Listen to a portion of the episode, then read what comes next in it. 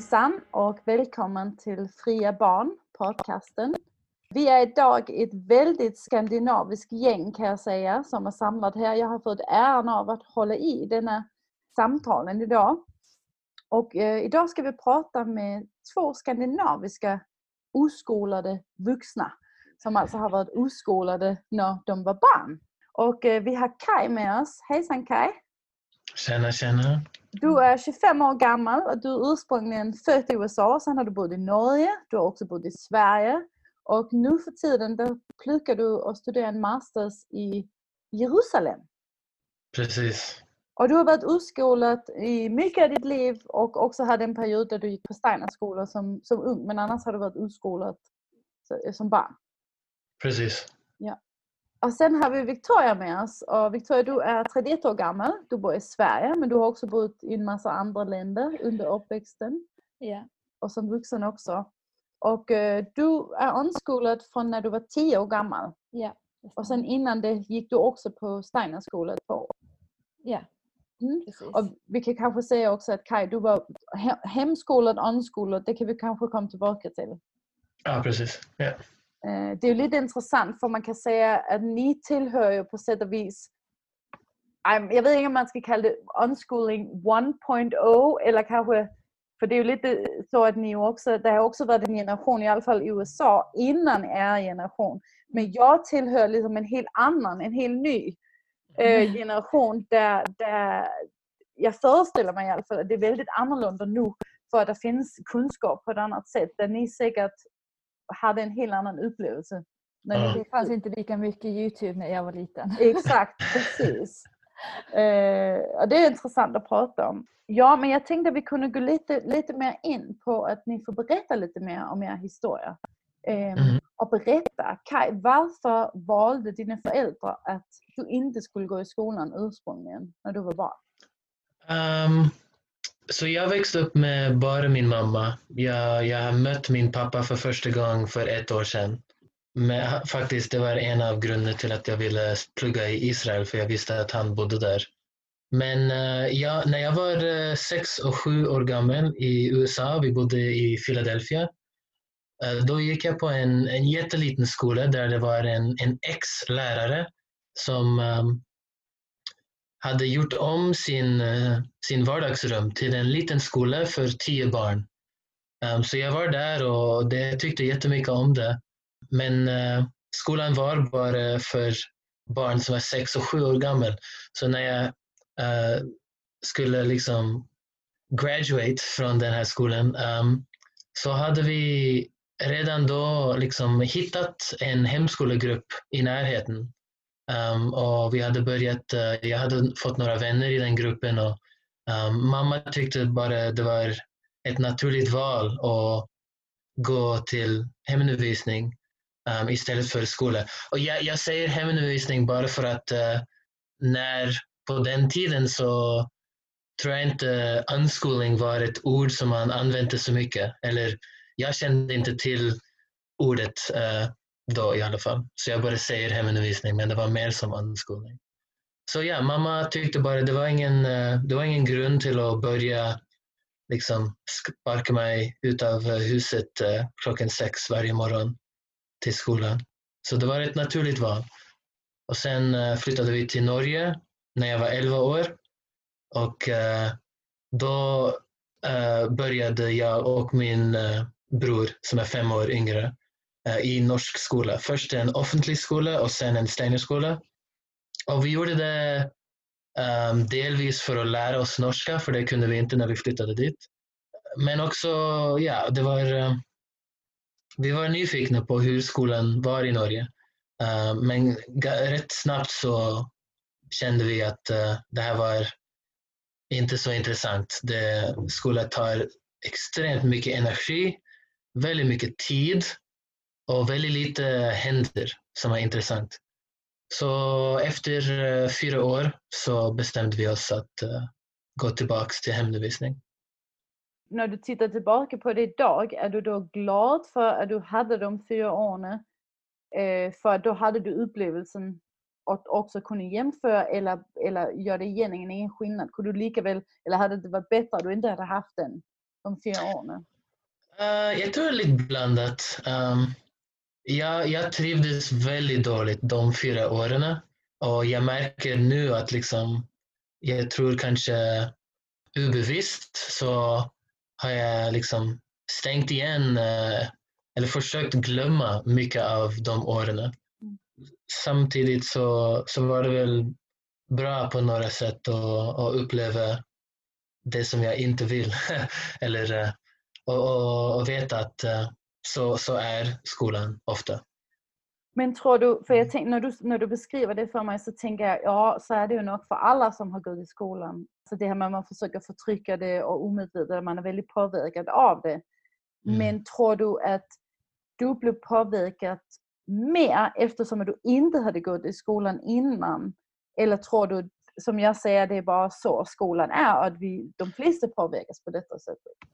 Ja, det, um du menar att uh, kanske skolan var svårare för mig efter, eftersom att de åren innan så hade jag inte gått i skolan? Ja, det är ju, det är ju det är uh, i alla fall en sak som många föräldrar frågar om. Att de tänker att, speciellt till exempel om, om man har hem, uh, alltså om man har haft barnen hemma och sen mm. när de ska börja skolan att då säger man att oh, det kommer bli så svårt för dem och de kommer inte kunna du vet, stå i kö och de kommer inte kunna alla de här sakerna man tror eh, att man inte kan om man har varit hemma. Jag tror uh, lite både och också. Um, jag, eftersom att jag hade varit hemskolad innan. Men liksom om man har en bra situation och sen går man till en dålig situation eller en situation som passar en dålig så känns den dåliga situationen svårare för att man, man vet uh, att det, det, måste inte vara så svårt. Det kan vara mycket bättre för man har upplevt det. Eh, medan om, om man har bara upplevt den svåra situationen hela livet så, så känns det inte så svårt för det är allt man, allt man vet. Men jag vet att sen i livet, när jag började studera på, på universitet, då kände jag att det var en stor fördel att vara hemundervisad. För eh, jag såg så många av studenterna runt mig. De hade liksom börjat i skolan när de var fem, sex, sju år gamla. Eller dagis först och sen skola. Um, och nu efter 10, 12, 13 år på skolan så börjar de att plugga på universitet och de har fått nog av skolan. Liksom. De, de har haft mer än 10 år med skolan och, och liksom bara nu börjar de en grad som ska få dem ett jobb. är otroligt frustrerande. Liksom. De, liksom, vad, vad, vad gjorde de alla de, de tio år innan? Medan jag hade mycket större, like, uh, ja, det, det, det kändes inte så svårt att göra saker som inte var precis det jag ville. Liksom. Jag hade större... Du kan säga det på, engel, säga det på engelska yeah. så översätter vi. yeah, my, my capacity to deal with the bullshit of systems and uh, and and schools and and institutions was uh, larger. I was uh, much more relaxed and able to deal with things that I wasn't really interested in, compared to my uh, fellow students who had been forced to do things they were not interested in their whole lives and had to continue. Just uh, now, the the pressure was higher and the the the uh, the stakes were higher. Det stämmer ju bra överens med det vi vet från, från de här Ivy League-universiteten i USA till exempel som jättegärna tar emot hemskolade unga, mm. även om de inte har eh, så här high school diploma för de vet att de har självmotivationen till att, att gå utbildning för de är där för de vet, de har redan liksom koll på vad de vill med sitt liv. Och då är det ju Precis. såklart mycket lättare att bli undervisad. Men jag vill, jag vill att vi ska komma tillbaka till detta. Men först så vill jag bara höra dig Victoria. Hur kom det mm. sig? Du gick ju då i skolan i, yeah. i ettan och tvåan. Och sen, är det så? Och sen valde din förälder att ta ut? Eh, jag gick ettan, halva tvåan och trean. Ja. Eh, under tvåan så reste vi hela familjen till Spanien i fem månader. Mm. Ehm, så då gick jag inte i skolan. Och eh, mina föräldrar hade väl tänkt på det där med hemundervisning innan men då hade de alltid sett det, eh, förstått det som lektioner, som skola hemma. Och eh, det var de inte intresserade utav. Men det var då den här resan till Spanien mm. eh, när jag var åtta som de träffade familjer som var mer unschooled och även träffade i Sverige unschooled familjer och såg skillnaden. Liksom, det var det de var intresserade av. Inte det här lektioner, strukturen hemma utan det här fritt lärande. Och de såg barnen som var så mycket mer intresserade och nyfikna och eh, hade ett, eh, lättare att prata med vuxna som jämlikar och inte var rädda för vuxna på samma sätt som barn som gick i skolan och så vidare. Och då, det var då de bestämde sig för att det här var det de ville ge mig och mina syskon. Och då flyttade vi i samma, samma veva och så jag slutade skolan i och med att vi flyttade. Jag slutade skolan, klass 3 tog slut där, så att eh, sommarlovet. Um, så när alla andra gick tillbaka till skolan efter sommarlovet så gjorde inte jag det. Så att själva transition var väldigt lätt där för att eh, jag slutade skolan när alla andra gjorde det och så var det sommarlov och sen så flyttade vi och jag hade fått byta skola i alla fall. Men nu så fortsatte sommarlovet istället. Jag brukar säga det vad är det nu, 13 år 30, nej, 23 år in på sommarlovet är jag. nej, det kan det inte vara för du har gått på universitetet. Det är sant, det är sant. Jag har gått på universitetet så jag har haft eh, riktiga sommarlov efter det också. Men det var self-directed, alltså det var ja. inte tvång där jag var där kan man säga. Precis och även universitetet så har jag nästan all, alla studier jag gjort på universitet har varit via distans. Um, så jag har inte så jag inte har behövt sitta i ett klassrum med andra. Jag har gjort det också. Jag gjorde det senaste året nu när jag studerade. Då fick jag prova på att sitta i klassrum med mina klasskamrater. Det var en ny erfarenhet. Eller ja, ny. Jag hade gjort det då när jag var 10 sist. Mm. Igen när jag var 30. Så att det, det var väl spännande att pröva på det men jag tyckte inte att jag hade gått miste om något. Nej, intressant. Men du, jag tänkte lite på så här, dina föräldrar, också dina Jack, alltså din mamma. Nu det kan kanske lite annorlunda för din mamma bodde i USA där ju unschooling, hemundervisning, har en, fast det är väldigt liten del av befolkningen är det fortfarande mycket större, mycket mer liksom, vad ska man säga, accepterat kanske. Men jag mm. tänker på dina föräldrar Victoria, du, alltså hur kom det sig att de överhuvudtaget fick upp, alltså var det någonting som kom inifrån? Alltså var det någonting de kände och sen upptäckte de sedan att det liksom fanns som någonting man kunde göra? Eller var det genom det här som du berättade, att de lärde känna eller de läste en bok eller vet du hur det kom sig? Jag vet inte, jag vet inte hur det kom sig att de började fundera på hemundervisning. Det, det kommer jag inte ihåg, det har de säkert berättat men det kommer jag inte ihåg eh, just nu. Men eh, det var genom ett intresse för hemundervisning som de hittade unschooling. Um, och det var då det kändes rätt när vi började träffa hem, eh, unschooled familjer. Men var originaltanken kom från, det, det, kan inte jag svara på. Det får, du, får, får jag fråga pappa. Ja, vi, får, vi får fråga honom. Ja. um, jag skulle vilja att ni berättar lite så här um, om hur, det här det är så här typisk fråga man ställer till vuxna unschoolers eller till unschoolers som är nu. Um, för det är ju så här som är så mystiskt för folk utifrån och jag får ju spela lite så här djävulens advokat här. Hur ser en vanlig vardag ut när man är unschoolad? Och då vet jag det vanliga svaret brukar vara det kan vi inte svara på för varje dag är olika för vi lever i ögonblicket. Men om ni nu allihopa ska försöka att, att vad ska man säga, komprimera liksom hela ert omskolade liv in i en dag och illustrera det åt oss. Hur skulle man då kunna föreställa sig att det kunde se ut, Jack? Ja, ja uh, vi hade absolut en, en typ av uh, struktur. Det var inte så fritt. Så kanske det räknas inte som uh, fullt unschooling. Uh, där man tar avstånd från allt som liksom minns uh, skolan. Men uh, för mig, det, det, som var liksom det som var alltid där var att nästan varje dag så jobbade jag lite med, med matematik eller, och skrivning och läsning. Så till exempel så vi hade några matematikböcker. Uh, uh, de heter Singapore Math. Det var någon, någon uh, typ av bok eh, som de använde i Singapore eller någonting som mamma hade läst bra saker om tror jag. Det, då, då, var det två böcker, en bok där de introducerade en ny koncept eller en ny mattegrej och sen den andra boken var många uppgifter och sånt där man kunde öva det som man hade lärt. lärt.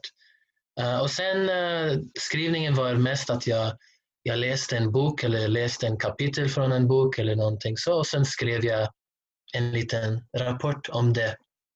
Um, och sen går jag över allt, liksom, checkar, checkar allt med mamma efter, efteråt. Men det var alltid uh, så många andra saker som jag var nyfiken på eller som jag drev med på bredvid allt detta. Så det, det, även om det var varje dag att jag gjorde matte och skrivning så var det en väldigt liten del av, av det hela. I USA var vi en del av uh, den lokala uh, hemundervisningsgruppen som gjorde väldigt många aktiviteter.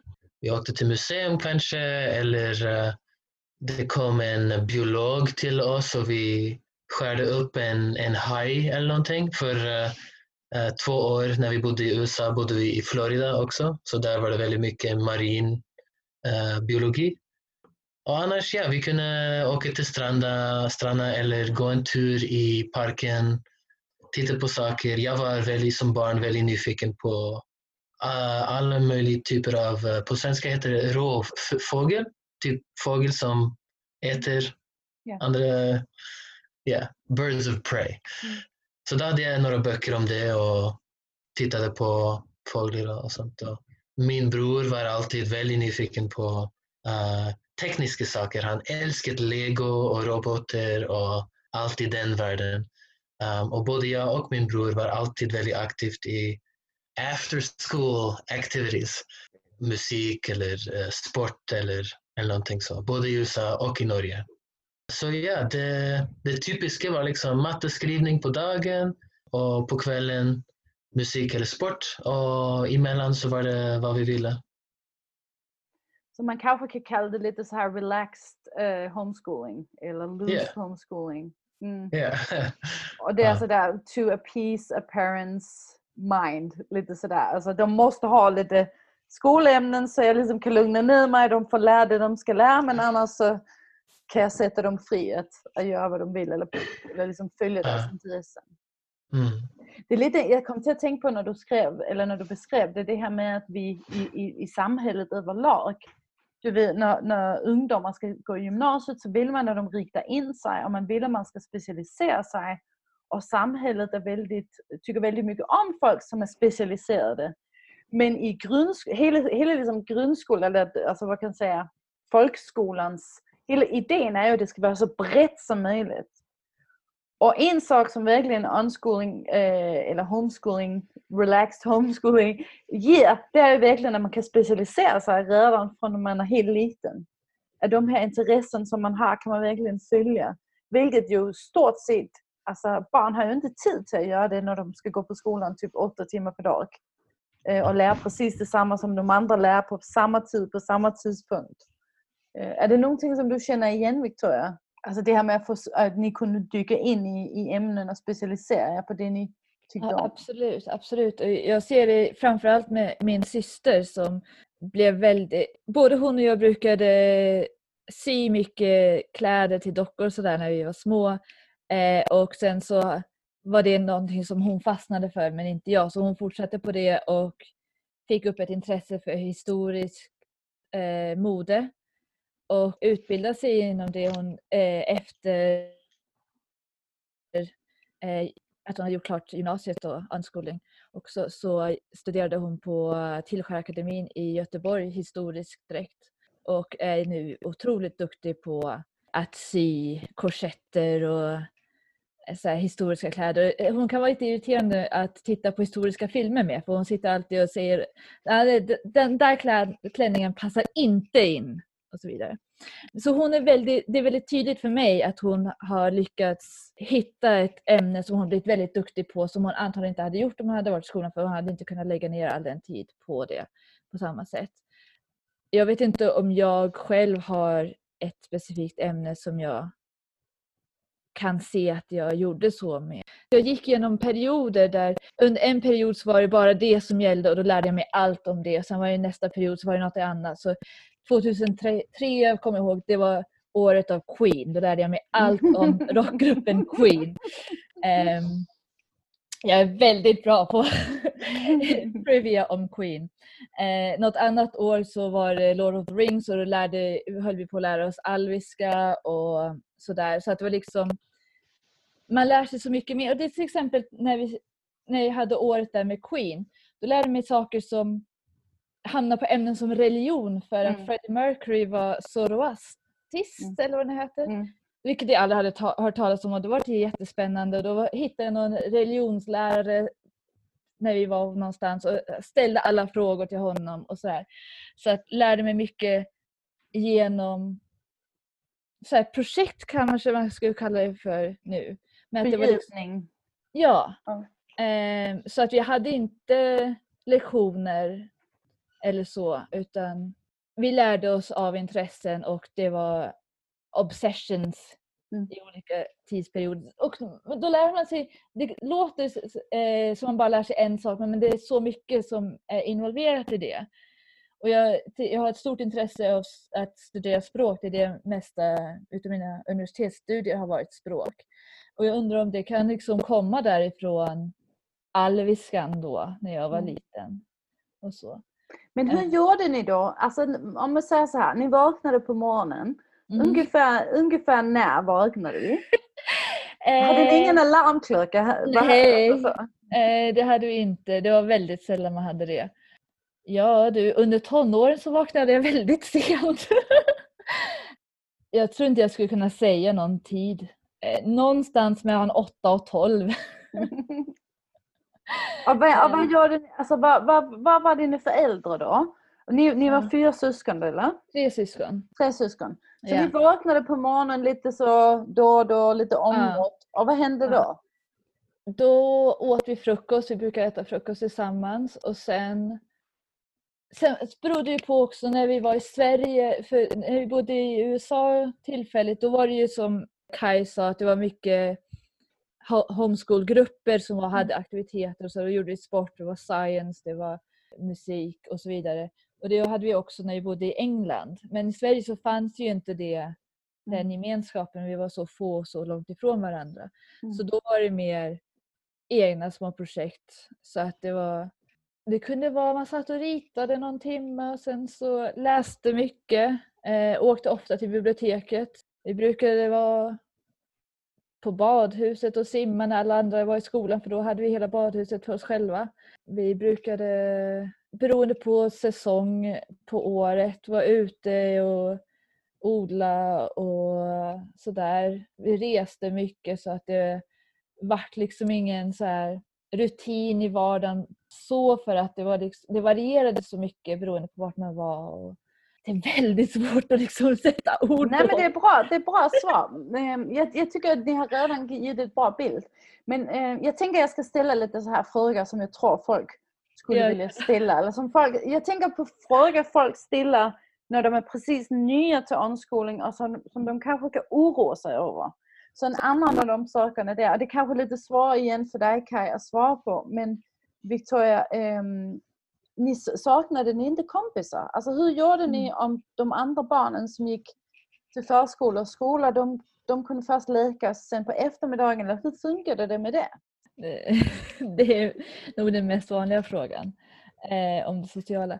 När man går i skolan så hamnar man ju i i en grupp människor som man inte själv har valt utan det är för, för, eh, på grund av ålder och att man bor på samma ställe. Men alltså, vad vi, vi gjorde ju inte det, vi träffade inte samma människor varje dag. Eh, och så, utan vi träffade ju ofta eh, någon annan familj. Då kanske vi åkte och hälsade på dem eller de kom och hälsade på oss och då träffades man väldigt intensivt under några dagar eller kanske en vecka. Då träffas man, eh, eh hänger man dygnet runt liksom. Men sen så kanske man inte träffar dem på ett bra tag efter. Så att det var ett annat sätt att vara social på. Mm. Eh, sen så är det ju alla, alla barn går i skolan men efter skolan så gör de ju andra aktiviteter och där var ju vi också och då mm. träffade man ju många genom det. Eh, och sen så reste vi mycket och då var det ju också att man, vi reste ju ofta på hemundervisningsnätverk. Så när vi var i USA en gång tre månader så reste vi från familj till familj för att vi eh, skrev på Yahoo-grupper tror jag vi var på den tiden. Innan Facebook och allt sånt där. Och sa att vi är här, är det någon som liksom vill träffas och så. Alla hemundervisningsfamiljer och familjer är ofta väldigt intresserade av att träffa någon från en annan kultur och lära sig och saker. Så vi blev lätt inbjudna till många familjer och vara där. Och samma när de kom till Sverige. Vi hade väldigt mycket internationella vänner och besökare här i Sverige. Mm. Eh, och då, så att det, det, är ett annat sätt att vara social på. Det är inte samma människor varje dag utan det, vi valde våra grupper och sen så träffas man mer intensivt under korta perioder. Ja, den är självbestämd. Ja. Mm. Mm. Jag kommer ihåg uh, när jag var när vi bodde i USA, jag var mindre, så var många av mina vänner vuxna. Uh, I Philadelphia så var uh, vi bodde i samma, bygg, samma byggnad som uh, min, min mammas uh, tante och, och onkel som jag växte upp med att kalla bästemor och bästefar. Eh, så jag jobbade, jobbat med bästemor i grönsakshagen och odlade saker med, med hon och med bästefar så lärde jag hur man spelar schack och uh, om vi hittade döda djur i skogen så kunde vi ta dem hem och skära upp dem och, och sådana saker. Och sen i Florida när vi bodde där i två år så bodde vi tillsammans med min onkel. Så det var alltid liksom någon och liksom en, en vuxen vän i närheten. Och sen också som Victoria sa med liksom efter skolaktiviteter så träffar man folk också. Ja, man pratar ju mycket om det här med att, att man ska socialiseras till att vara med andra barn. Mm. Så upplevde du, blev du in, nu, jag pratar alltså så här djävulens advokat här. Ehm, upplevde du inte att, att du blev socialiserad till att vara med andra barn, Kaj? När nu du alltså, träffade mycket vuxna och så. Var det då svårt för dig att, att vara med andra barn? Nej, inte alls. Uh det var liksom, uh, det var uh, konstig fråga. Uh, eller, men, men hur, hur, social, hur yeah. jag kan fråga på ett annat sätt. Hur socialiserades du? För att, att vi tänker ju mycket när man hör om hemundervisning och omskolning så det, det största kritik det är att folk är oroliga för socialisationen. Ja, yeah. och ja, om, om, om jag pratar med en grupp med föräldrar som har till hemundervisning eller omskolning så uh, kan jag bara säga att uh, jag har aldrig...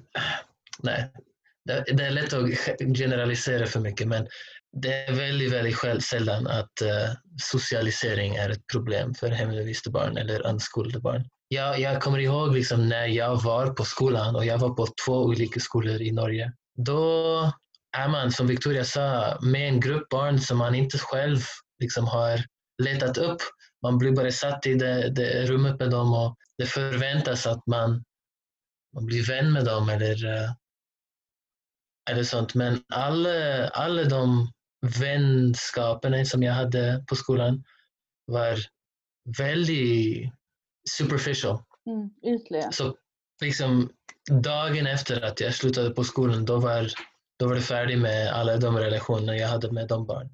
Mm. Um, jag försökte hålla dem i livet liksom och ses på helgerna efter skolan, bla bla bla, så mycket jag kunde.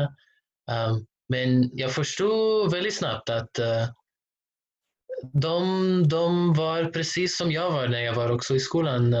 Liksom, det, efter en lång dag på skolan då är man så trött.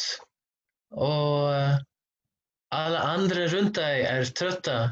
Så alla är typ som uh, time bombs. Liksom, det är bara en uh, tidsfråga för en av oss exploderar för vi liksom har varit i den här uh, situationen hela dagen där mm. så vi, vi, de vill att vi ska liksom vara så eh, tappar jag språket igen men they, they, they demand our attention and yet very little is happening in front of us in the classroom for many reasons perhaps because the teacher can only go as fast as the slowest student in the classroom. But it's just the, the whole concept of one teacher teaching 10 or 20 or 30 kids all at the same time is an impossible job. Så uh, det har inget med om, om jag eller andra är smartare eller mindre smart eller snabbare på vissa ämnen. Det är bara en, en omöjlig jobb, en omöjlig situation. Medan uh, medan man hemundervisar så kan man, man har energin, man, man är inte stressad, man har tid och man kan sova länge nog så man, vill, så man vet vad man vill. Vad vill jag just nu? Mm. Vem vill jag prata med just nu? Och om man inte har det man vill ha just nu så har man friheten att gå ut och hitta det. Om det är en gammal man och, och lära schack ifrån eller om det är en, uh, någon på din egen ålder du vill leka Pokémon med eller någonting. Det, yeah. Jag tänkte där att eh, det här med att man har vänner som är vuxna när man själv är barn. Det, det, jag tror det är mycket också att ålder spelar ingen roll. Så att eh, man kan vara kompis med någon som är 20 år äldre men man kan också vara kompis med någon. Jag vet att när jag var 13 tror jag, nej får se nu, 12, 11, 12 där. Så hade jag en kompis som var nio år yngre än mig. Mm. Eh, som var en av mina bästa vänner. Så hon var två, tre kanske och jag var väl ja, 11, 12. Mm.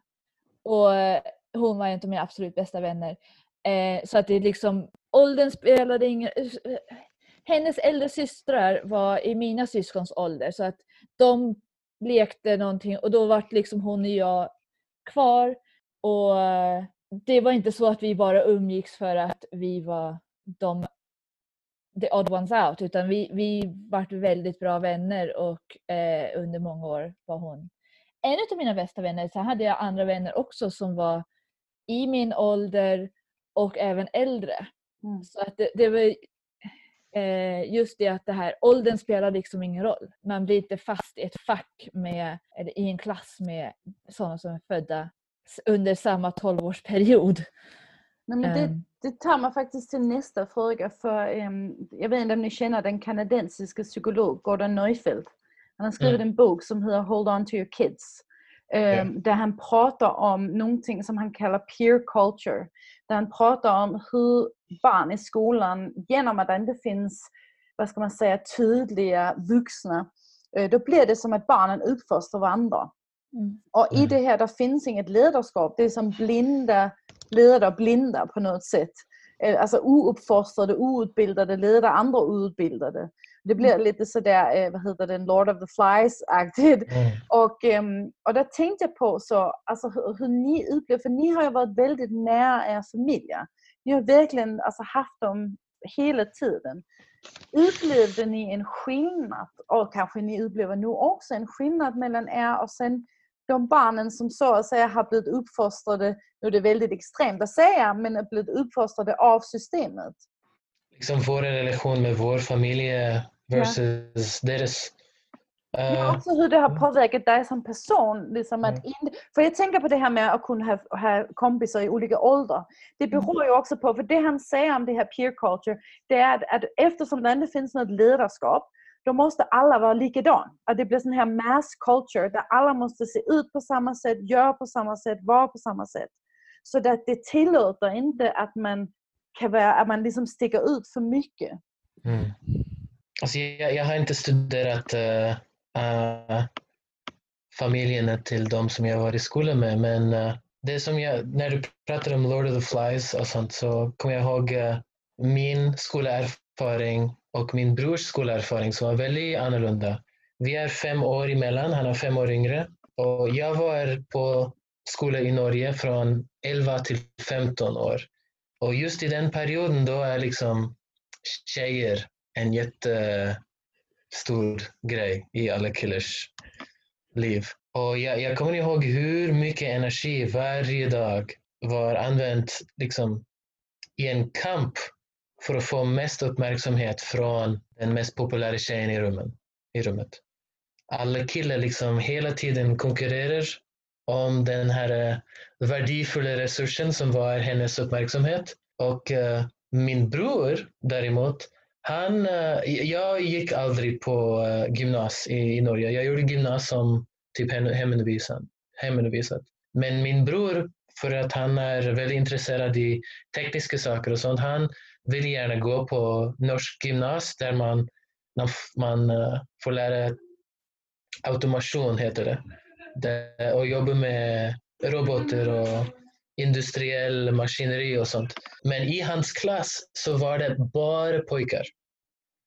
Och jag, jag, jag tror att han hade det ganska bra i den här eh, situationen.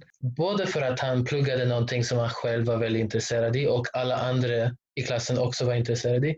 Men också i den åldern, uh, det var en liten grupp med, jag tror det var nio eller tio pojkar. Um, och uh, den här faktorn det med, med tjejer i just den åldern var inte, inte där. Så jag säger inte att liksom, pojkar måste uh, isoleras från tjejer eller någonting, absolut inte. Men bara att uh, hela den här uh, skolidén om att alla måste göra allt tillsammans, det är inte realistiskt liksom, alls. Men nu, nu, nu gick jag bort ifrån den här uh, familjefrågan. Mm, ja. Men det var väldigt intressant och relevant ändå tyckte jag. Mm. Vi, vi hoppar till Victoria. Hur har du upplevt denna skillnad? Jag har en, känner en väldig trygghet i, i min familj eh, som jag inte ser i så många andra familjer. Och det vet jag inte om det bara råkar vara min familj eller om det har någonting med min uppväxt att göra. Eller så. Men det är ju en trygghet som har gjort att jag, jag är ganska trygg i mig själv också. Eller jag skulle säga väldigt trygg i mig själv. Och jag hade väl en period där under tonåren när jag precis som alla andra ville vara normal eller något sånt där. Men det var en väldigt kort period. Eh, sen så kom jag fram till att nej, det vill jag inte alls. Jag, jag, jag är ganska nöjd med att vara den jag är och jag kommer aldrig försöka passa in i något så här, att vara normal. Så, så att eh, jag är väldigt trygg i mig själv i att, jag, att inte behöva eh, passa in.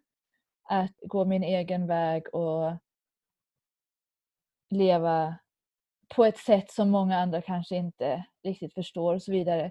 Utan att det är någonting som stressar mig. Och sånt där. För att jag, jag, känner, jag, jag tror att jag är liksom uppväxt med en sån grundtrygghet.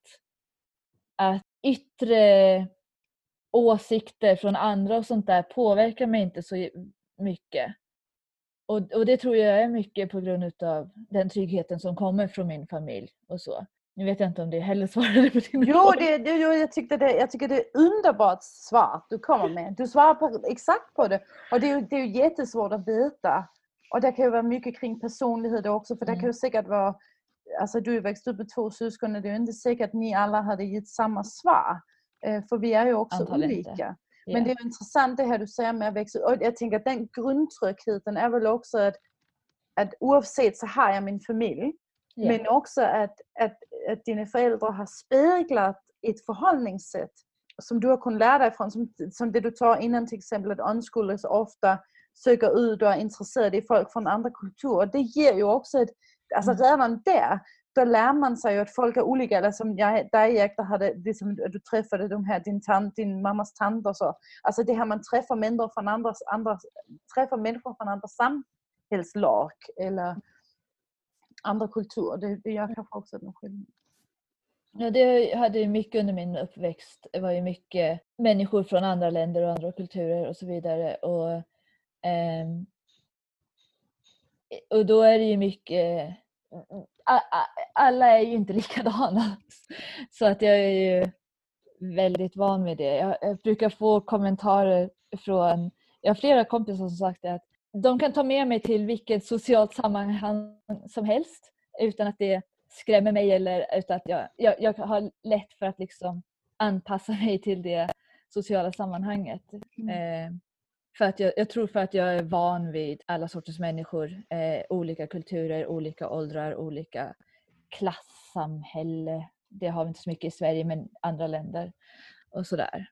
Men du Victoria, då har jag en, en ny fråga till dig. För just nu i alla fall, vi har ju en, vi har en omskolning, utskolninggrupp i, i Sverige uh, och ofta upplever jag mycket så här, vad ska man säga, lite tackighet kring alltså det bemötande man får från andra svenskar eller som man har ångest, alltså man kanske inte har upplevt det än, men man föreställer sig liksom hur folk ska reagera om man berättar att man hemundervisar eller att man vill göra det. Och vi har ju haft nyligen ett fall i Ystad där, som ju var så här, vad kan man säga, lite så här skräckscenario. Um, fast att det är väl ingen riktigt som vet exakt vad som pågick. Men hur upplever du det, alltså den biten? Uh, för jag, jag tänker kanske ibland att vi, att vi, att vi kanske inte ger vår med, vad, vad, vad, vad säger man så här, medmedborgare tillräckligt mycket tillit. Alltså mm. folk kanske inte är så intoleranta som man tror. Eller, nu har du ju växt upp under en tid där det var även mer ovanligt. Så hur upplevde, hur blev ni bemött liksom i byn eller när ni träffade människor? Ja, du för den del också Jack i Norge. Jag tror, nu för tiden när jag träffar någon så är det ingenting som kommer på tal att eh, jag var unschooled. Om det inte är långt in i en konversation eller något sånt där. Men när jag, var, när jag växte upp så var det ju väldigt vanlig fråga. För det första, första frågan man får om man är någonstans på dagen är varför är du inte i skolan? Och eh, är, är det efter skoltid så är frågan i vilken skola går du i, vilken klass går du i? Eh, så att det är ju nästan första frågan efter vad heter du är handlar om skolan. Och, så att man blev ju instantly fick, det var ju första man fick prata om med alla. Så att det var, man var ju väldigt van vid att prata om hemundervisning och bemöta alla, alla sorters eh, reaktioner från många frågor, eh, från alla från barn till vuxna som har mycket frågor och på den tiden så var jag väldigt van vid att svara på de frågorna för att jag fick göra det hela tiden. Eh, och då hade man liksom olika svar beroende på, är det här någon som jag kommer lära känna som då kanske jag kan lägga tid på att liksom berätta mer. Är det här någon som jag bara kommer ha den här konversationen, det kommer eh, liksom vara, om tio minuter kommer den här inte personen vara i mitt liv längre. Då orkar man inte det utan då har man en snabb version utav det. Eh, men det var ju man, alltid det är alltid nyfikenhet men ofta, ofta så är det ju mycket oförståelse och framförallt föräldrar som har barn i skolan brukar ha väldigt svårt att ta till sig för att de känner jag skulle tro att det är mycket här oh, menar du att jag gör fel val här för att jag skickar mina barn till skolan? Och då går man in i någon så här defense, eh, defensive måste ja. försvara sitt eget val. Medan barn eller vuxna vars barn har slutat gå i skolan och så vidare var mer öppna och nyfikna utan att se det som ett hot. Men hur hanterade ni det då? Eller, eller blev det så, helt enkelt så att, ja, att, ni inte bröd, eller att du inte bröd dig? Jag tror att jag eh, sällan brydde mig speciellt mycket. Jag var van vid att svara på den frågan och det var mm jag visste att den frågan skulle komma. Ibland brukar jag eh, för, skoja till det för mig själv och hitta på något nytt svar. Sådär. Um, ja, på enhörningsskolan. precis, precis. se eh, vad man kunde hitta på. Eller, oh, du går i den skolan, ja, då går jag i den andra skolan. Sådär. Har du upplevt detta, eh, Kai? Ja, jag kommer ihåg att uh, jag träffar väldigt många barn i Norge, eller tonåring, tonåringar speciellt, så när jag berättade att uh, jag var hem, hemundervisad och berättade kort liksom att det inte är skola hemma, men att jag för, för det mesta gör vad jag vill, uh, så var de jätte, jätte, jätte missunnlig, jealous. Antingen var det responsen eller så var det wow, jag skulle aldrig klara att att vara så när min mamma och pappa.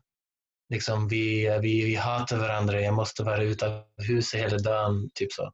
Och jag tror att uh, det, det kommer till det punkten just uh, med det som Gordon Neufeld pratar om, liksom att uh, ju mer man växer upp utan en mogen liksom, rollmodell, uh, ju mer eller ju svårare är det att vara i samma rum med en mogen människa.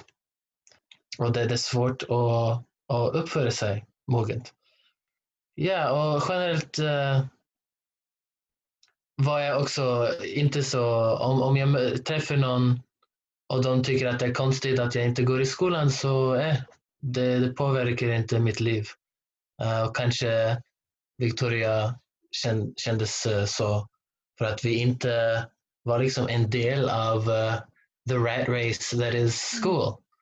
Liksom det, de, de får göra de grejerna om de vill, men jag, jag vill inte. Precis, om, om de inte höll med eller tyckte det var rätt, det, det hade inget med mig att göra. Det skulle inte ändra mitt liv i alla fall. Så att jag svarar på frågor och sånt där, visst, men om de tycker det är fel, det, det gör inte mig någonting så. Mm. Jag kommer ihåg att eh, jag och min bror fick några kommentarer från familjemedlemmar som tyckte det var konstigt att eh, vi inte gick i skolan. Och alltid så var liksom den största be bekymringen det var socialiseringen. Mm. Har ni vänner? Uh, hur ska ni lära er i kö? Yeah. Hur, hur, ska ni lära att liksom lösa konflikter? Eller uh, ha diskussioner? Eller sådana saker. Och Räck upp handen. Tänk, ah, herregud. det, det, mm. Deras uh, bekymringar är så... Off base. Ja, ja det, det har ingen med, inget med realiteten att göra. Mm. Jag, jag, kommer ihåg det här med eh, släkt och så vidare så hade vi eh, en del av min pappas släkt som de sa det inte till pappa då, men de sa långt senare att när vi fick höra att ni skulle hemundervisa eller ta, eh, inte ha barn i skolan så var vi väldigt oroliga för att vi såg ju hur dåligt det gick för dig i skolan, typ, till pappa. Eh, men det var för att han, eh, ja det var en lång historia, han hamnade i, på skola i Schweiz och så vidare så att han fick lära sig nya språk och allting. Så att det gick lite dåligt för honom ett tag där och det var då han hade mycket kontakt med den delen av familjen. Så när de fick höra då att han inte skulle skicka sina barn till skolan så var de oroliga för oss. Men sen när de träffade oss långt senare någon gång så hade de pratat med pappa och då sa de vi var oroliga där men det var rätt val kan vi se nu. Så, men de sa inte det här om när de var oroliga då utan det var någonting de bara berättade när de var vi, vi kan se att du gjorde rätt val. Så att det, det var fint att få den supporten. Det var lite sent då för då gjorde det ingenting längre. Då var vi liksom klara. Men det var ju fint i efterhand i alla fall. Mm. Jag tänker att vi ska ta oss lite till eh, vad ska man säga, framtiden eller, eller sen när ni, när ni blev större, ni blev vuxna. Eh, detta kanske är en lite klurig fråga men hur upplever ni att det har format er och det, är svårt, det är alltid svårt att säga för ni har ju inte upplevt, ni har upplevt lite någonting annat. Men, eh, men det är svårt att säga för man inte har haft ett annat liv och då, då måste man nästan jämföra. Och det blir så svårt som ni sa innan för man inte kan generalisera. Men om ni ändå ska försöka svara lite på frågan, är det någonting ni upplever som är så här särskilt med hur ni bemöter livet?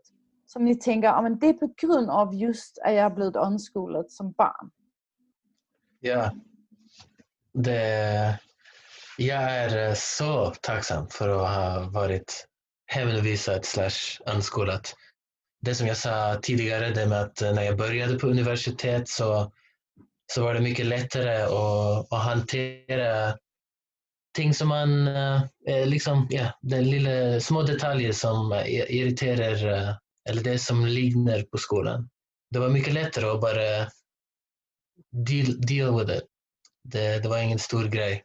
För jag hade så många år innan där jag, hade, där jag behövde inte att tänka på sådana saker. Och eh, nu, nu har jag när jag var 18 så flyttade jag hemifrån. Inte för att jag hade något dåligt förhållande med, med mamma eller min familj. Men för att jag kände som Norge var bara ett dead end. Uh, jag, jag, hade fått nog av, av Norge och ville ut. Men det att jag var hemundervisad eller inte har gått i skolan. Uh, den, den, största fördelen är att jag inte har gått i skolan, tycker jag. Mer än att jag har varit hemundervisad. Intressant. Jag bara ser runt mig hela tiden eh, eh, vänner som har gått i skolan, de har liksom fångat i en viss väldigt begränsad eh, mentalitet. Deras vänner är, liksom vännerkrets är också begränsad till liksom en speciell typ av person. Ofta personer som de växte upp i närheten av eller på samma skola med.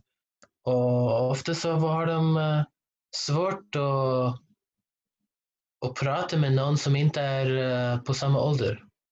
Nu som jag bor i en annan del av världen så ser jag att eh, många av de här sakerna, liksom det med att prata och bli vän med folk av olika ålder och det att man inte bryr sig så mycket om vad andra tror och tänker om, om dig och hur du lever och lär.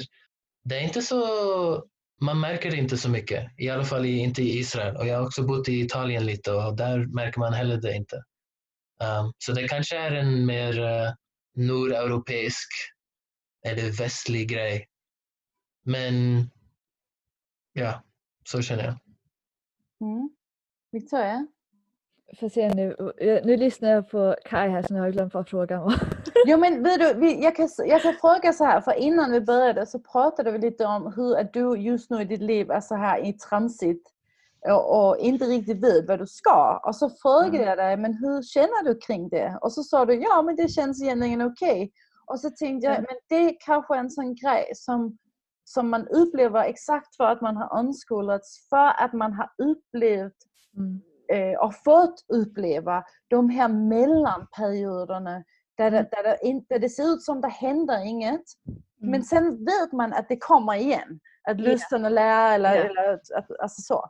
Ja, det, det är någonting jag, jag och min bror och min syster också väldigt mycket, som, som jag tror kommer mycket från det också. Att vi är inte fast vid att så här måste, man måste ha ett jobb, man måste ha en så här linje på hur man ska leva eller så utan jag sa upp mig för två år sedan utan någon annan plan utan bara nej, nej, nu, nu, nu är jag klar med det här. Nu, nu är det dags för något annat och sen så studerade jag ett tag och så vidare.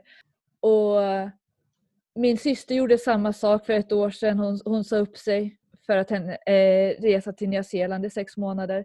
Och, så, och, och, min pappa sa upp sig nu i höstas och han sa jag vill vara som er. Jag vill också bara kunna säga upp mig för att nu är det dags för något nytt. Utan att behöva oroa mig. Eller, det, det löser sig medan alla före detta kollegor bara men, men hur, hur, ska du, hur ska du klara dig? Hur, hur, har du ingen plan? Och, och, vad, är det, vad är det för en skillnad Victoria? Vad är, det, vad är den, det som gör den skillnaden tror du? Jag tror att det är vi är mer vana vid att leda vårt eget liv, inte låta jobbet eller samhället bestämma. Så här ska ditt liv se ut. Och lever inte du så här som alla andra gör, då, då är det farligt, då är det läskigt. Utan nej, det behöver inte vara det. det. Man kan ta ett steg ut från rat race och bara se på det från, utifrån och se, vill jag in här igen eller finns det något annat jag kan göra, vill göra? Mm. Och, och det är inte läskigt att vara där utanför. Inte så läskigt som många verkar tro i alla fall. Eller så farligt kanske. Ja. Kan jag lägga till en sak som till det Victoria säger? Yeah. Yeah. Um, jag kommer ihåg att uh, på en av uh, Askö sommarträffarna som där, där uh, Victorias familj öppnar sin hem för andra familjer då var det en fråga som kom upp och det har kommit upp flera gånger. En av eh, föräldrarna frågar oss vuxna hemundervisare. Um, är det någonting som vi uh, lärde på skolan som vi inte tror vi skulle ha lärt om vi aldrig hade gått i skolan? Och jag kommer ihåg när jag hörde den frågan för första gången för flera år sedan. Och jag, jag tänkte jättehårt, liksom, wow, det, det, måste vara någonting som jag har lärt på skolan som jag inte skulle ha lärt om jag inte gått i skolan. Och nu efter många år liksom, med den här frågan i bak, uh, baktankarna så är det två ting som jag tänker. En av dem är uh, jag kan spotta, heter det? To spit? Ja, spotta. Jag kan spotta jättelångt. Uh, många meter. Um, för det var en aktivitet som vi gjorde mycket på skolan. och sen, det finns några flaskor som har en uh, cap som är precis eh, riktig storlek så jag kan göra så här. Flick the bottle cap eh, jättelångt också som en mini frisbee. Uh, och det är de två här tingen som jag tror jag inte skulle ha lärt om jag inte har gått i skolan. Men inget annat. Och som Victoria sa precis, att när man är hemundervisad eller anskolad så är man själv kung eller drottning för sin egen lärande och sitt eget liv. Och på skolan så, så hör man hela tiden att läring är jobb och jobb är dålig, bad. Du ska eh, undvika jobb så mycket som möjligt. Men hur lär man då? Liksom det, jag tänker också på liksom genom hela livet. 90 procent av allt som jag kan idag har jag lärt utan någon som undervisar mig. Som man, man lär med, med att göra det med, och, och ha erfarenheter, upplevelser. Learning by doing. Um, medan uh, på skolan så är det alltid någon som säger vänster fot, sen höger fot. Mm. De har en plan för varenda minut i din dag. Eh, inte varenda, men efter planen deras är färdig så är du för trött för att ha en, en egen plan. Så det att uh, du själv styr ditt liv och ditt lärande gör att uh, du är mycket mindre beroende på, på andra för att ha det bra i livet. Mm. Jag tror också en av de viktigaste sakerna att lära sig är hur man lär sig. Eh, och det mm. gör man inte i, på samma sätt i skolan utan där får man informationen här, lär dig det här och här har du svaren på frågorna. Den här boken har svaren på frågorna som du behöver. Eller sådär. Medan eh, så ser det inte ut i verkliga livet efter utan då är det mycket man lär sig på jobbet eller man lär sig på universitetet också. Det är mycket mer, mer än bara lektionerna. Och det, det absolut eh, viktigaste att lära sig är vart hittar jag informationen? Hur kan jag själv leta upp det? Vad, vad, hur kan jag hitta någon som kanske kan hjälpa mig att få svar på den här frågan? För det, allt handlar ju inte om att kunna liksom figure everything out själv utan det kan ju vara att hitta någon som kan mer än vad jag kan om just det här ämnet. Och det är ju någonting som jag tror eh, vi har blivit ganska bra på, eller jag i alla fall tycker jag är ganska bra på det, att om jag inte har svar på frågan att, att hitta någon som har det. Som kan berätta för mig som och, och, det är ofta kul att hitta någon som är en expert på området för att de är oftast väldigt passionate och kan berätta på ett sätt som gör det kul att lära sig. Men jag tänkte lite på, för ni har ju ändå båda valt att gå på universitetet. Du har gått innan Victoria och du går ju just nu Kai. Så hur kommer det sig att ni har valt att ta den vägen? Ja, um, för mig, uh, det bara hände liksom. Uh, när jag var 14, 15, 16 så hade jag liksom två stora hobbys. En var karate, kampsport och den andra var musik. Um, och I början så tänkte jag, hmm, liksom, du hör, oavsett om man är eh, uh, oskolad eller går på skolan så har man alltid människor runt en som, som frågar vad vill du bli när du blir vuxen? Och, och den här, uh, inte press, men uh, en förväntan om att du ska veta vad du vill. Och uh, jag kändes, kände mig inte liksom som att det var något press och jag måste välja någonting nu snabbt. Men det bara hände ganska naturligt att uh, jag hade de här två stora hobby uh, och uh, långsamt men säkert så blev musik den största av de två hobbyerna. Och då uh, Eh, bestämde jag mig eh, för att gå på en musikfolkhögskola och se om fulltidsmusikstudier eh, var kul. Och jag tyckte det var jättekul så då bestämde jag mig för att plugga. Och ju mer jag pluggade, ju mer tyckte jag om musik. Och så har det bara varit en snöboll. Jag gjorde min kandidat i musik i Göteborg i Sverige och nu gör jag en master i musik i Jerusalem. Och jag tycker mer och mer om det. Um, ja, så det, bara, det händer ganska naturligt. Och jag har aldrig brytt mig om vad andra tycker jag borde göra. Um, det var också från andra familjemedlemmar kommer jag ihåg att uh, när jag bestämde mig för att plugga musik så var det många som bara aha, men uh, det är ju lite ustabilt. Kanske, kanske du kan prova något annat först och ha musik som en hobby. Liksom.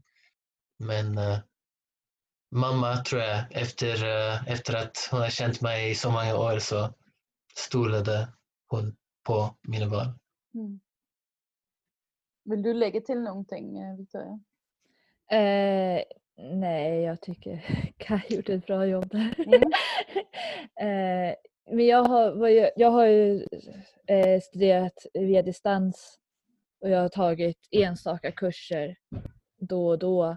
Och sen när jag känner att nej nu, nu, nu har jag studerat klart för tillfället så då har jag jobbat istället så, så att jag har varierat det, jobb och studier och så. Och jag studerade lite olika saker tills jag kom fram till att det, det jag tycker är spännande att studera det är språk. Så att då fokusera på det så har jag studerat närbesläktade språk. Mm. Bini, jag har två frågor kvar. Eh, som ni säkert också har fått jättemånga gånger. Jag tror det är svårt, det är svårt att hitta på frågor ni inte har fått många gånger. Men den första frågan är, eh, tror ni ni kommer att omskola era egna barn om ni väljer att få barn? Ja. Eh, ja, absolut. Jag tror inte att jag kommer välja att skaffa barn men eh, jag har alltid sagt att om jag skulle göra det så skulle jag vilja ge dem en lika fantastisk uppväxt som jag hade. Och då är unschooling det bästa jag kan se. Ja, jag vill gärna ha barn någon gång. Inte någon gång snart, men uh, ja, det är uh, ingen, är ingen fråga. Yeah. uh, det är ingen fråga i min, mina tankar om, om att uh, hemundervisning slash unskolning är vägen att gå. Mm. Och om, nu då får jag fråga dig för att Victoria vill troligtvis inte ha barn. Om ditt barn så skulle komma och säga Nej pappa, jag vill gå till skolan. Vad skulle du tycka om det? Ja, yeah, absolut. Det får um, barnen mina gärna göra. Um, jag misstänker att uh, de kommer uh, gå på skolan i några veckor och sen bestämmer sig för att eh, det inte var så kul. Jag kommer ihåg väldigt gott när jag började i skolan liksom, eh, för första gången på riktigt, när jag var 11 år och vi hade precis flyttat till Norge. De första tre veckor var extremt cool. Jag, jag, jag älskade skolan så mycket. Um, och jag fattade inte hur jag inte hade gått i skolan innan. Men jag, jag, jag älskade så mycket för att det var så många barn liksom att leka fotboll med. Plötsligt, wow! Och alla vill också leka fotboll. Men sen uh, upptäckte jag liksom att nähä, det, är, eh, det är liksom en struktur på dagen och vi, vi har bara 45 minuter att leka, spela fotboll. Och när man bara har 45 minuter att spela fotboll och sen måste man göra andra saker, tråkiga saker, då var det inte så kul alls. Och jag tänkte okej, okay, men när vi är färdiga med lektioner och sånt, då kan vi spela fotboll igen. Men då är alla trötta och eh, föräldrarna våra är också trötta. De har varit på jobb och de ska komma för att hämta oss. Och de vill bara hem igen. De vill inte vänta på att vi leker eller spelar någonting.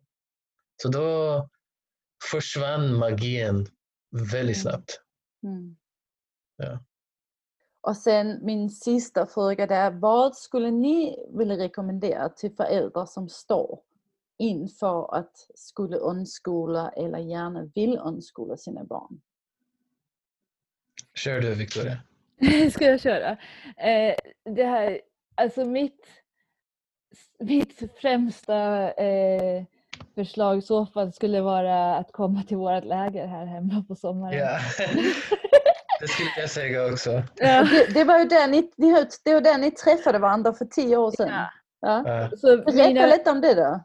Mina föräldrar eh, startade ett läger, det var bara så här, eh, vi skulle bara göra det ett år, 2004. Då skulle vi ha hemundervisningsläger hemma hos oss.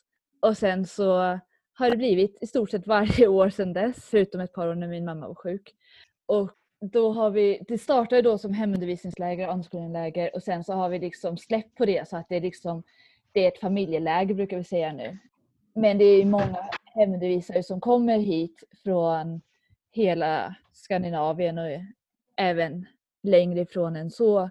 Ehm, och det är många som kommer hit som är intresserade av hemundervisning eller unschooling som har många frågor och så och träffar familjer som håller på unschol här och får träffa barn på riktigt och så vidare. Och jag och Kai är ju här också. Och det är då vi får alla de här frågorna. um, då kan ni visa dem denna istället. Bara så, gå och kolla på den podcast. Ge dem hörlurar så kan de, kan de själv lyssna. Precis. Så att det, jag och Kai har ju svarat på de här frågorna många, tillsammans många gånger. För Kai kom hit då första gången för tio år sedan och har kommit varenda år sedan dess. Och det är många utav familjen som kommer hit, kommer hit varje år och vi har barn som har kommer inte ihåg en sommar utan att ha varit här på lägret. Mm. Um, och det är väldigt, när vi började med det här så hade vi varit på många läger och konferenser eh, i andra delar av Europa och så vi kom fram till att det vi tyckte var det bästa är den här tiden mellan aktiviteterna när man bara kan socialisera, när man kan prata med andra och sådär. Så vi sa att det, det gör vi. Så vi har inga inbokade aktiviteter.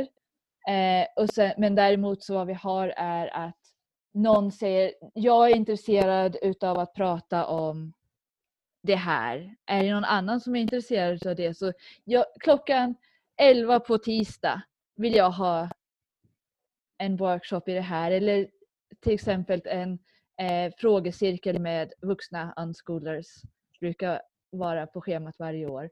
Och då kommer alla som är intresserade kommer dit och så blir det en aktivitet så men det är inget, vi har inget schema eller så utan det är de som är här som skapar det.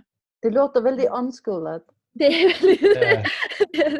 det, är det roliga är att några av de som kommer varje år också har barn som går i skolan och, och mm. eh, ändå kommer hit varje år. Och det är många av dem som har kommit hit som kom hit när de funderade på frågan och det var då de bestämde sig. Mm. Eh, och många av dem som nu bor på Åland har kommit via oss mm. och då träffat många av dem som flyttat till Åland och så. Och de originalfamiljerna som flyttade till Åland tror nästan alla av dem började hemundervisa efter att de var på vårt läger. Så, så ni är en sorts slusse det, det, har blivit lite så. Och, och det är ju, nu, menar, nu är det, jag är 31 och min syster är 29 och min bror är 26. Så det, vi är inte vi ser oss fortfarande som barnen då för att mm. eh, vi har inga egna barn. Men det är många av föräldrarna som är yngre än oss nu. Mm. Eh, men, men, det är inte det, kom ihåg Kaj sa det något år här, var det förra året? Det så här, I am one of the children! Yeah. Men eh, det är ju det är inte för våran skull som vi har lägret. Så, utan, eller vi tycker det är jättekul. Ni är så. snälla att ställa upp. Vi vet hur mycket det betyder för så många andra. Ja. För det har vi fått höra igen och igen. Hur viktigt det är det är inte så vanligt med hemundervisning i Sverige längre. Eller det har inte varit det, men nu är det ännu svårare i och med den nya skollagen sedan 2011. Och så. så att det är, man har inte så många chanser att träffa andra hemundervisare. Man har inte att kunna ställa frågorna, att kunna ja, bara ställa, se hur vi fungerar och sådär. Att, att vi fungerar. Det är ingen fråga som är liksom för dum eller något sånt där utan man kan komma hit och bara fråga allt man vill veta. Mm. Eh, så det skulle vara mitt tips i Skandinavien om man funderar på det, inte vet, om man vågar inte vet hur man ska gå tillväga, vill träffa mm. andra och lära sig mer. Att komma hit till, till lägret för att det, det är bästa stället att träffa så många, så många som möjligt på en gång. Ja, mm. och det är alla åldrar från noll till mycket. uh, liksom alla olika intressen. Folk pratar om alla olika saker. Folk lär från varandra varje dag, hela dagen och kan dela med sig det som de är uh, passionate about. Mm. Jag tycker om den, den veckan mm. så mycket. Men tack så, så mycket. Jag... Tack så jättemycket för att ni ställer upp där och, eh, och för, jag hoppas ni kommer fortsätta. Man har ju hört lite så här från de amerikanska grown unschoolers att det har viss, vad heter det, del av dem, man har blivit lite trött på mm. liksom hela tiden att skulle ifrågasättas på någonting som det berättade ni också innan som egentligen är, är naturligt och som man kanske inte ifrågasätter själv. Och så mm. plötsligt har man liksom, har det liksom blivit en grej det här om du, du är ju den här papegojen som har haft det här udda liv. Liksom. Mm. Så det, jag tycker det är jättesnällt att ni, att ni är positiva och gärna vill ställa upp. Det, vi andra som beger oss, jag har ju en dotter på tre år och vi beger oss ju in på denna vägen. Mm. Och det är så viktigt att kunna lära sig från andra som har gått vägen. Jag eh. brukar skämta om att, eh, brukar säga att here's the result, här, här har ni resultatet. Så liksom, ställ alla frågor ni vill ha. Jag vet hur, hur, svårt det är att hitta någon att fråga och hur, hur mycket det betyder att kunna kunna se att vi inte blir några freaks utan mm. vi, vi, fungerar. Eller att vi, man blir en underbar freak. Ja, Lyckad precis, freak. Precis. Alldeles, alldeles perfekt freak. precis. Så, eh, sen vet jag, jag har ju många, eh, känner ju många hemundervisade och unschoolers i både svenska och från många andra länder. Jag tror jag räknar någon gång jag har träffat unschoolers från 20, 20 länder eller något sånt. Och många av de vuxna, som nu är vuxna då, eh, vänner jag haft sedan jag var liten. Många av dem har kommit till lägret i vuxen ålder också från USA och England och så vidare. Och många har ju liksom, ah, nu, nu är jag inte en unschooler längre, jag var det men nu är jag vuxen, nu är jag liksom, det här är den, den person jag är nu. Jag vill liksom inte bara prata om hur det var att växa upp. Så, men jag försöker att ställa upp för att jag vet hur mycket det kan betyda för andra och så. så som, som en veteran unschooler så. Mm. Mm. Ja, nu kommer ju snart nästa generation. Sen när du får barn Kaj, då blir det ju liksom next generation. Det ser vi fram emot. Precis. Jag skulle, välja, eh, skulle gärna lägga till uh, en sak. Uh, vi har mm. inte pratat alls om un, like, deschooling. Nej, det är, sant. Nej, det är sant. Det, det, vet du varför? Det är för vi har, vi har precis gjort den, precis innan vi gjorde den här episoden för, i, i söndags, där gjorde vi en, ett program eller en, ett avsnitt om deschooling. Eh, men du har fullständigt rätt. Jag tycker ni ska köra på. Prata med mig om deschooling. Jag ville bara, det kändes som det här liksom, it's rounding up now. Absolut. Uh, med din sista fråga om vad vi skulle säga till liksom, osäkra föräldrar. Bara do your research, läs uh, Gordon Newfelt, uh, lyssna på Ken Robinson och se var det tar dig liksom, och ta kontakt med, med någon som du har hört driver med hemundervisning eller randskolning. Och för det mesta så händer ting liksom av sig själv. Um, jag tror för föräldrar som, som säger att wow, liksom, ju mindre jag gör, ju bättre, händer, ju bättre går det. Um, alla barn är fött med en, en, driv, en liksom drivande nyfikenhet och, och allt du behöver göra är att inte döda den. Mm.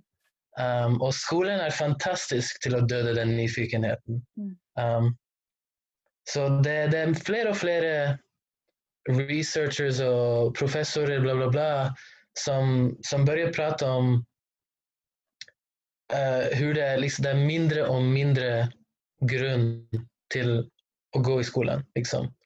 Skolan uh, förbereder dig inte till framtiden, vet vi nu. Framtiden som vi ser och lever är inte samma framtid som när hela skolkonceptet eh, började. Bla, bla, bla. Du kommer lära jättemycket när du först går in i det. Men uh, ja, bara titta på vad dina barn är intresserade i. Och oavsett om din barn är två år gammal, eller 13 eller 20 eller någonting.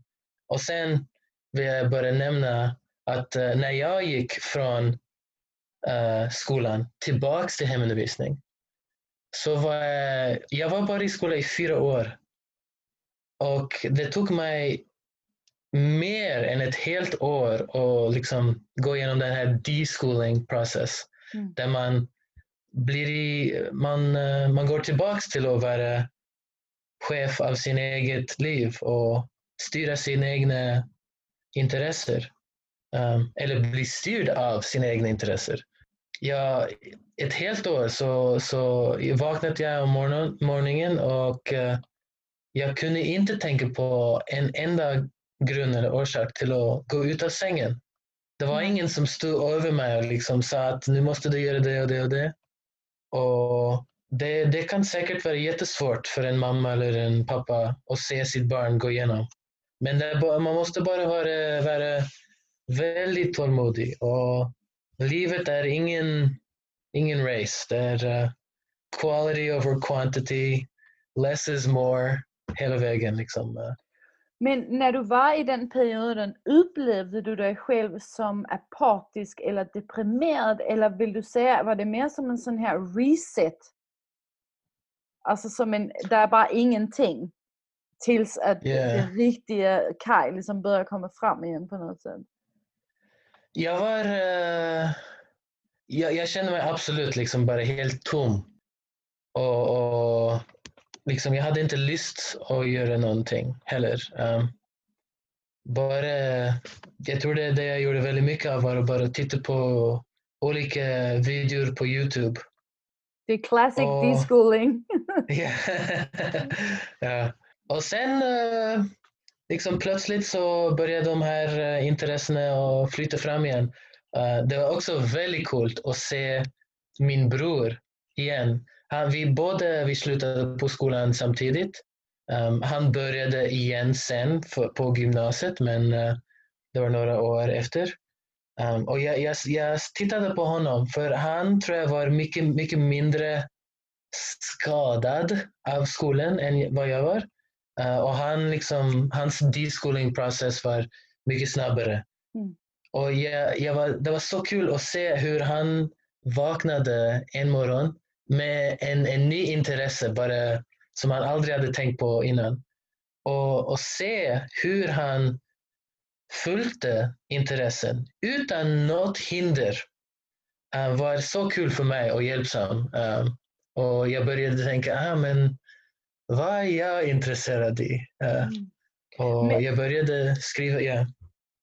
Nej, förlåt, bara fortsätt. För exempel så vaknade han en, en dag och tänkte att wow, jag vill lära hur man skriver kalligrafi, liksom. skriver med mm. mycket uh, artistic writing. Så han hittade, vi hade någonstans en, en gammal, uh, på norska heter det fyllepenn, uh, fountain pen. Uh, och han hittade någon, något bläck till det, ink. Och eh, han hittade en gammal bok som vi hade fått eh, för många år sedan som vi aldrig hade sett på om kalligrafi. Och sen började han skriva. Liksom. Och liksom det var det. Och efter några veckor så var han färdig. Nu, nu är jag inte intresserad i det här längre. Och sen vaknade han nästa morgon och bara wow, jag är jättenyfiken på aliens och ufo och konspirationsteorier. Sen liksom nästa månad var det bara det här. Varje dag han titta på dokumentärer och läste artiklar och Wikipedia. Och ofta det som han blev intresserad i, när han började följa den intressen så blev jag också intresserad i samma sak. Så vi lärde tillsammans. Så han uh, läste en, dokument, uh, en artikel och jag läste över axeln hans eller någonting.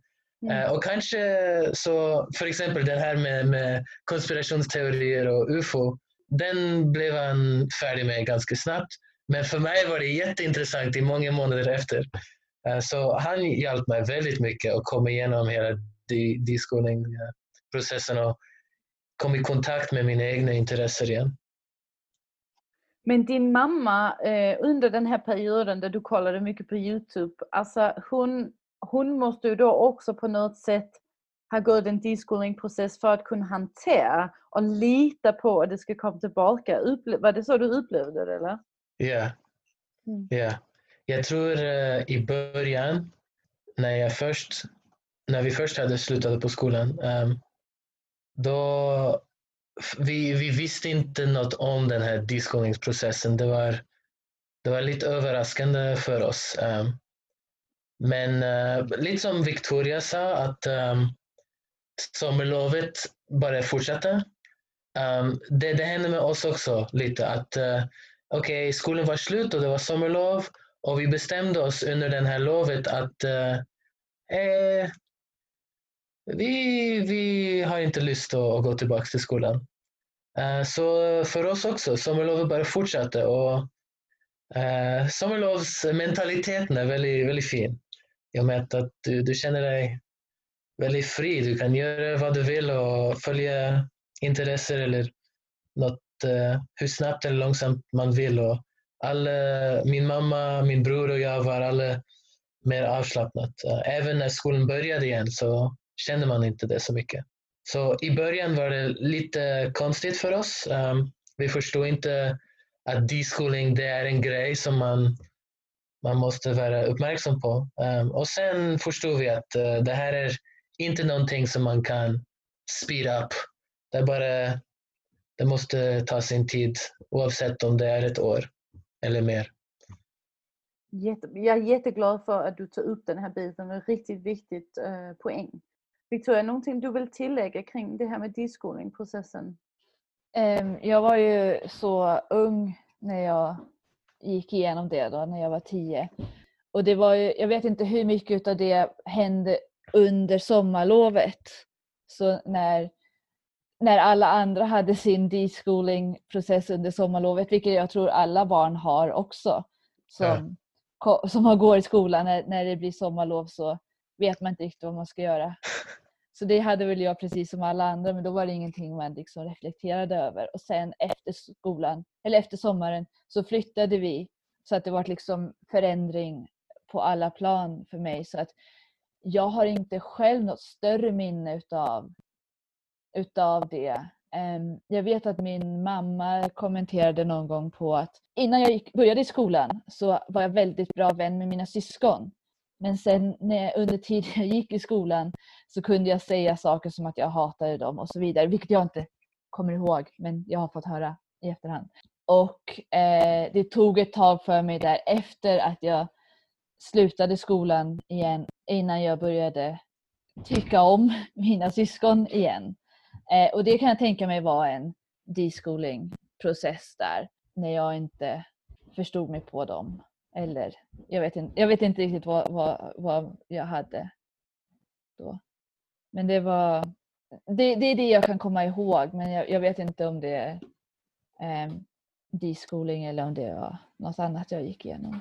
Men det är, ju säkert för att skolan socialiserar ju också och då är du kanske och sen är det det att man formas av den miljö man är och jag tyckte det var så intressant Kaj innan när du sa det här med hur du, hur du blev inspirerad av din bror så tänker jag också hur barn i skolan, hur det motsatta händer. Och det blir ju sådär det att lära sig är inte coolt och man ska helst inte, alltså läring är tråkigt och dumt. Och, och det, det speglar man ju i varandra. Och då kan det vara precis på samma sätt att du liksom har upplevt hur de andra barnen pratar om sina syskon. Men det är ju intressant att höra också hur deskolningsprocesser kan vara så annorlunda eller så olika. Øh, så det också, jag tänker att när man, om man som förälder går in i den här processen att man inte ska ha förväntningar för hur lång tid det ska ta eller hur det ska liksom spela ut sig. Kanske för några så bara tar det en vecka och sen som du säger kan för andra kanske tar det mer än ett år. Yeah. Jag kan ju säga att eh, jag gick ju då nästan tre år i skolan. Min syster gick ett år i skolan och min bror har aldrig gått i skolan tills han sen i vuxen ålder eh, studera vidare. Men då vet jag inte om det räknas som skola längre. Men jag har alltid varit av, eller alltid, jag har länge varit avundsjuk på dem att de inte hade lika mycket tid som togs ifrån dem mm. med skolan. Samtidigt så jag trivdes bra i skolan och så, det funkade bra för mig. Men jag lärde mig efteråt när jag blev unschooled att jag trivdes ännu bättre där. Jag skulle aldrig gå tillbaka till eh, skolan. Jag, jag känner att de hade tur att de var de yngre så att de inte gick i skolan lika länge som jag. Mm. Eh, och min bror som aldrig behövde gå i skolan. Där. Nej, jag, jag är lite avundsjuk på det.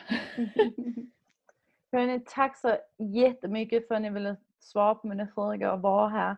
Och jag mm. hoppas att ni som har lyssnat att ni har fått väldigt mycket ut av detta. Det har jag i alla fall. Och, och, och om man vill prata mer med Victoria och med Kai och ställa dem några, alla de här frågorna som de, som de har fått tusen gånger förut. Då kan man då söka på Askö familje... Askö familjevecka. Vecka, ja. Askö, ja, precis. Mm. Eh, och det, jag tror det är från den 6 till den 9 juni, kan det passa? Någonstans 6 där. till 12 tror jag. Ja. Det är en vecka. Mm. Juli. Juli, juli, inte förlåt. Juli, ja. nej. Då kan man kolla upp det och eh, anmäla sig. Ja. Jätteroligt. Tack man så kan, Man kan skriva till mig också mm. utöver det. Eh, Victoria Berkestam Dusén. Perfekt. Tack så jättemycket för att ni var här. Tack själv. Okay. Tack själv.